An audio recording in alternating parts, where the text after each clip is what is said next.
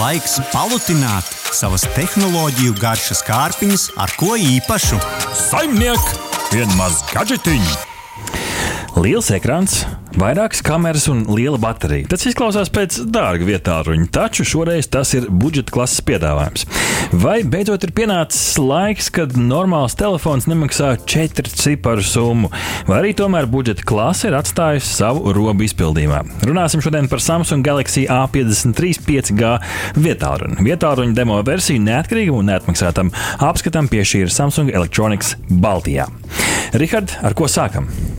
Noteikti sākam ar izskatu un korpusu kvalitāti? Jā, nu, savā ziņā es teiktu, ja mēs salīdzinām A53, kas ir jaunais, ar A52, tad uh, mēs tepat pirms raidījuma mērījām, salīdzinājām dizaina ziņā, ziņā ļoti mazas izmaiņas. Divas būtiskas izmaiņas - modulis ap kameru, nedaudz tāds uh, lēzenāks ieliekums, nav tik ļoti, uh, tik ļoti kantains un ir pazudušas varbūt tās nedaudz kantainās maliņas ap ekrāna, ekrāna korpusu. Visādi citādi nelieli dizaina uzlabojumi. Uh, Stila ziņā es teiktu, ka līdzīgs arī uh, S21 Fan Edition. Uh, Stūrīši lieti, liekti, maksimāli izmantot ekrāna priekšā. Es teiktu, pat šaurākas maliņas vietām kā iPhone, iPhone 13, izņemot augšu un apakšu, kur nedaudz, nedaudz platāk.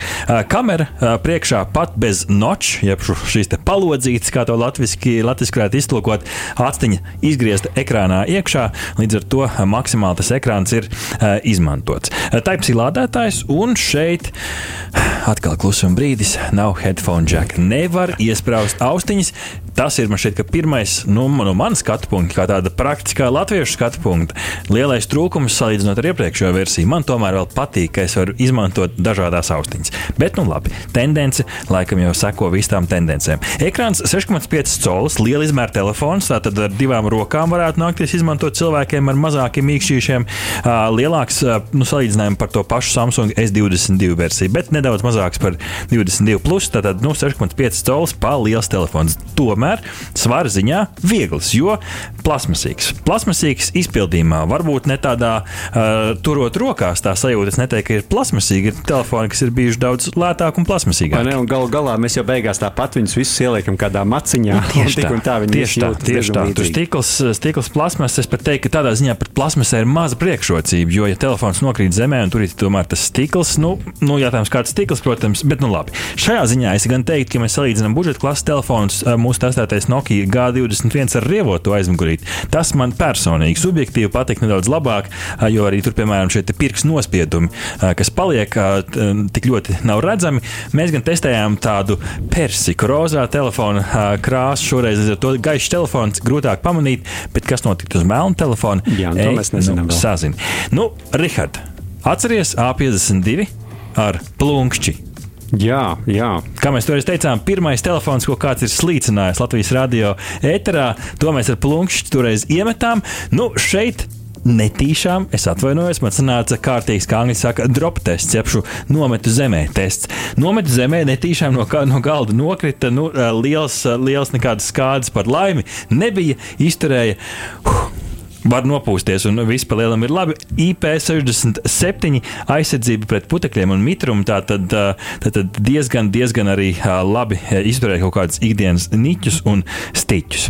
Parunāsim par jaudu un kvalitāti. Tad budžeta klases telefons, bet šeit jau ienāca 120 Hz atjaunošanās frekvence. Vienkāršiem vārdiem runājot, kad tu ātri ar īkšķu skrolē vai skaties kā dinamisku saturu, tad viss izstāsta nedaudz plūdināks. Vai šis ir adaptīvais, respektīvi, ka tajā brīdī, kad nevajag skrolēt, tad man samazinās, lai netērētu tik daudz bateriju? Jā, tieši, tieši tā, jo te jau vienkārši skatoties vienu statisku skatu, vienu ekrānu, kur nekas nekustās, nu, priekš kam tās biežās atjaunošanās frekvence, tad šī tehnoloģija arī ir budžeta klasē, un tas varbūt pat varētu, nākotnē pat to vairs neizcelt. Tas varētu kļūt gan izvēle par tādu standartu, nu, 120 vai 90, bet tas jau ir tehnisks uh, sīkums. Uh, maksimālais spožums ekrānam varbūt ir kaut kas, uz kā nedaudz ieekonomēts. Nu, tādā man paveicās arī bija saulaina diena.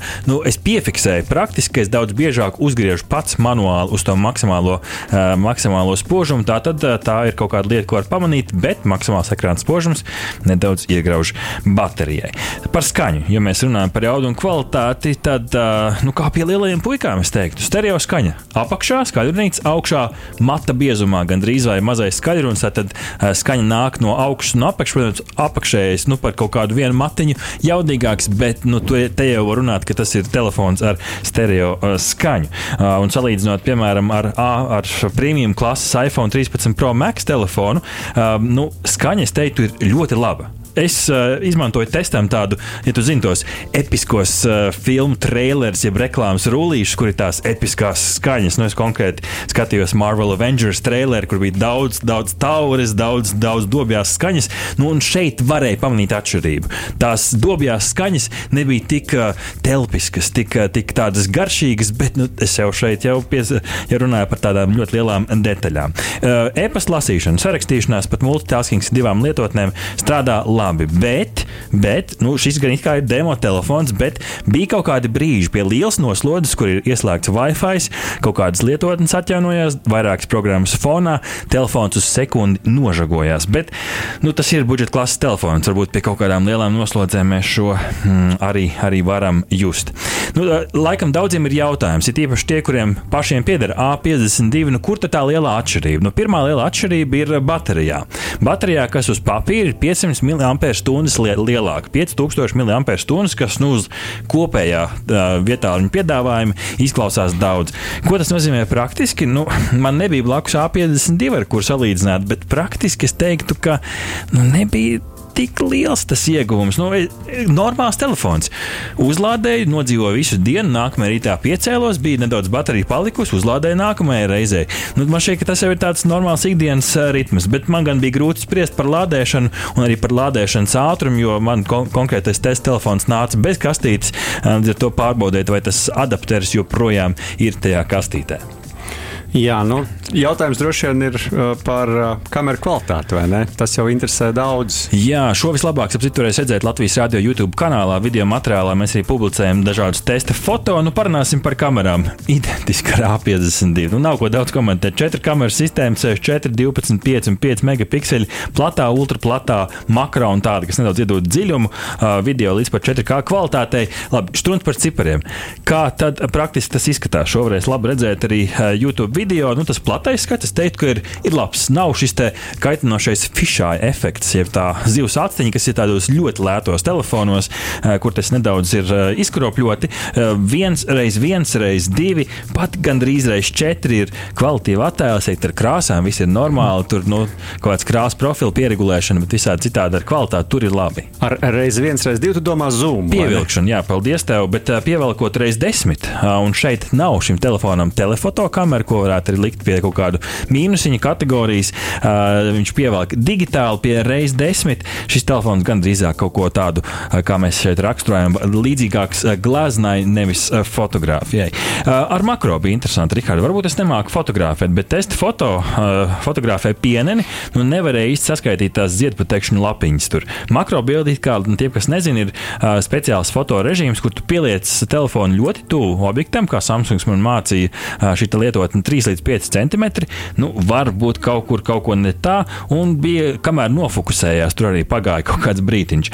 Nakts režīms ir arī budžeta klasē šeit iekšā. Nakts versus parastais, nu, bildē gan tādā stiprā krēslā. Es teiktu, ka ir normāli. Ar, ar nakts režīmu ieslēgtu gaišāks, tad, kad bildē vienkārši, nu, tad izskatās, ka tiešām tā ir pievakar. Tā kā ar nakts režīmu ir, ir, ir, ir ok, bet nu, līdz izcilam jāpacenšas kā šim, tā arī premium klases telefoniem video. Attēla kvalitāte normāli nav kur piesieties, izņemot uh, interesantas krāsu atšķirības. Šeit YouTube kanālā šo ļoti labi lab varēs redzēt. Atcerieties, ka mēs testējām sarkano elektroautorātu, par ko mēs stāstījām aizdītajās raidījumos. Uh, šis elektroautorāts dzīvē nu, tāds izteikti ķiršu sarkans kad skatījos telefona ekrānā, un ceru, ka šo arī varēs redzēt YouTube kanālā. Šis telefons bija vairāk tāds pīlāģis sarkans, nu, tā tāds oranžs starp oranžu un sarkanu. Tā tad viena krāsa izmaiņa. Vēl viena krāsa izmaiņa, ko es pamanīju, bija tajā brīdī, kad es filmēju ar 0,5 ja plato leņķi un parasto leņķi. Kas notika? Vienā, vienā vietā zāle zaļāka, otrā tāda jau vairāk padzeltējusi. Nu, it kā varbūt tehnisks sīkums, bet nu, tev gribās, lai tā bilde ir tāda kā dzīvē. Jā, var, var nokļūt no pavasara rudenī. Jā, pamainot aptuveni vai no, vai no pavasara uz tādu spilgtu saules, eh, saules dienu. Eh, Digitālais stabilizators, eh, tas, kas ma mazina kratīšanos, tad, kad tu staigā vai kusties, es teiktu, ka strādā ļoti labi. Izņemot vienu lietu, viņš samazina kvalitāti uz eh, 1080p, jeb šo HD kvalitāti. Mēs jau mūsdienās esam pieraduši filmēt ar labākām kvalitātēm, bet, nu, labi, šeit jautājums arī, ko tu kā filmē. Es staigāju, es domāju, ka YouTube kanālā šo salīdzinājumu, kā staigā ar, staigā bez, varēs redzēt, ar stabilizatoru, protams, daudz labāk. Ar skaņu es teiktu, ka arī uh, liels problēmas ierakstā nemanīju, uztaisīju testu salīdzinot ar citiem prēmiju klases telefoniem. Skaņu ieraksta arī labi.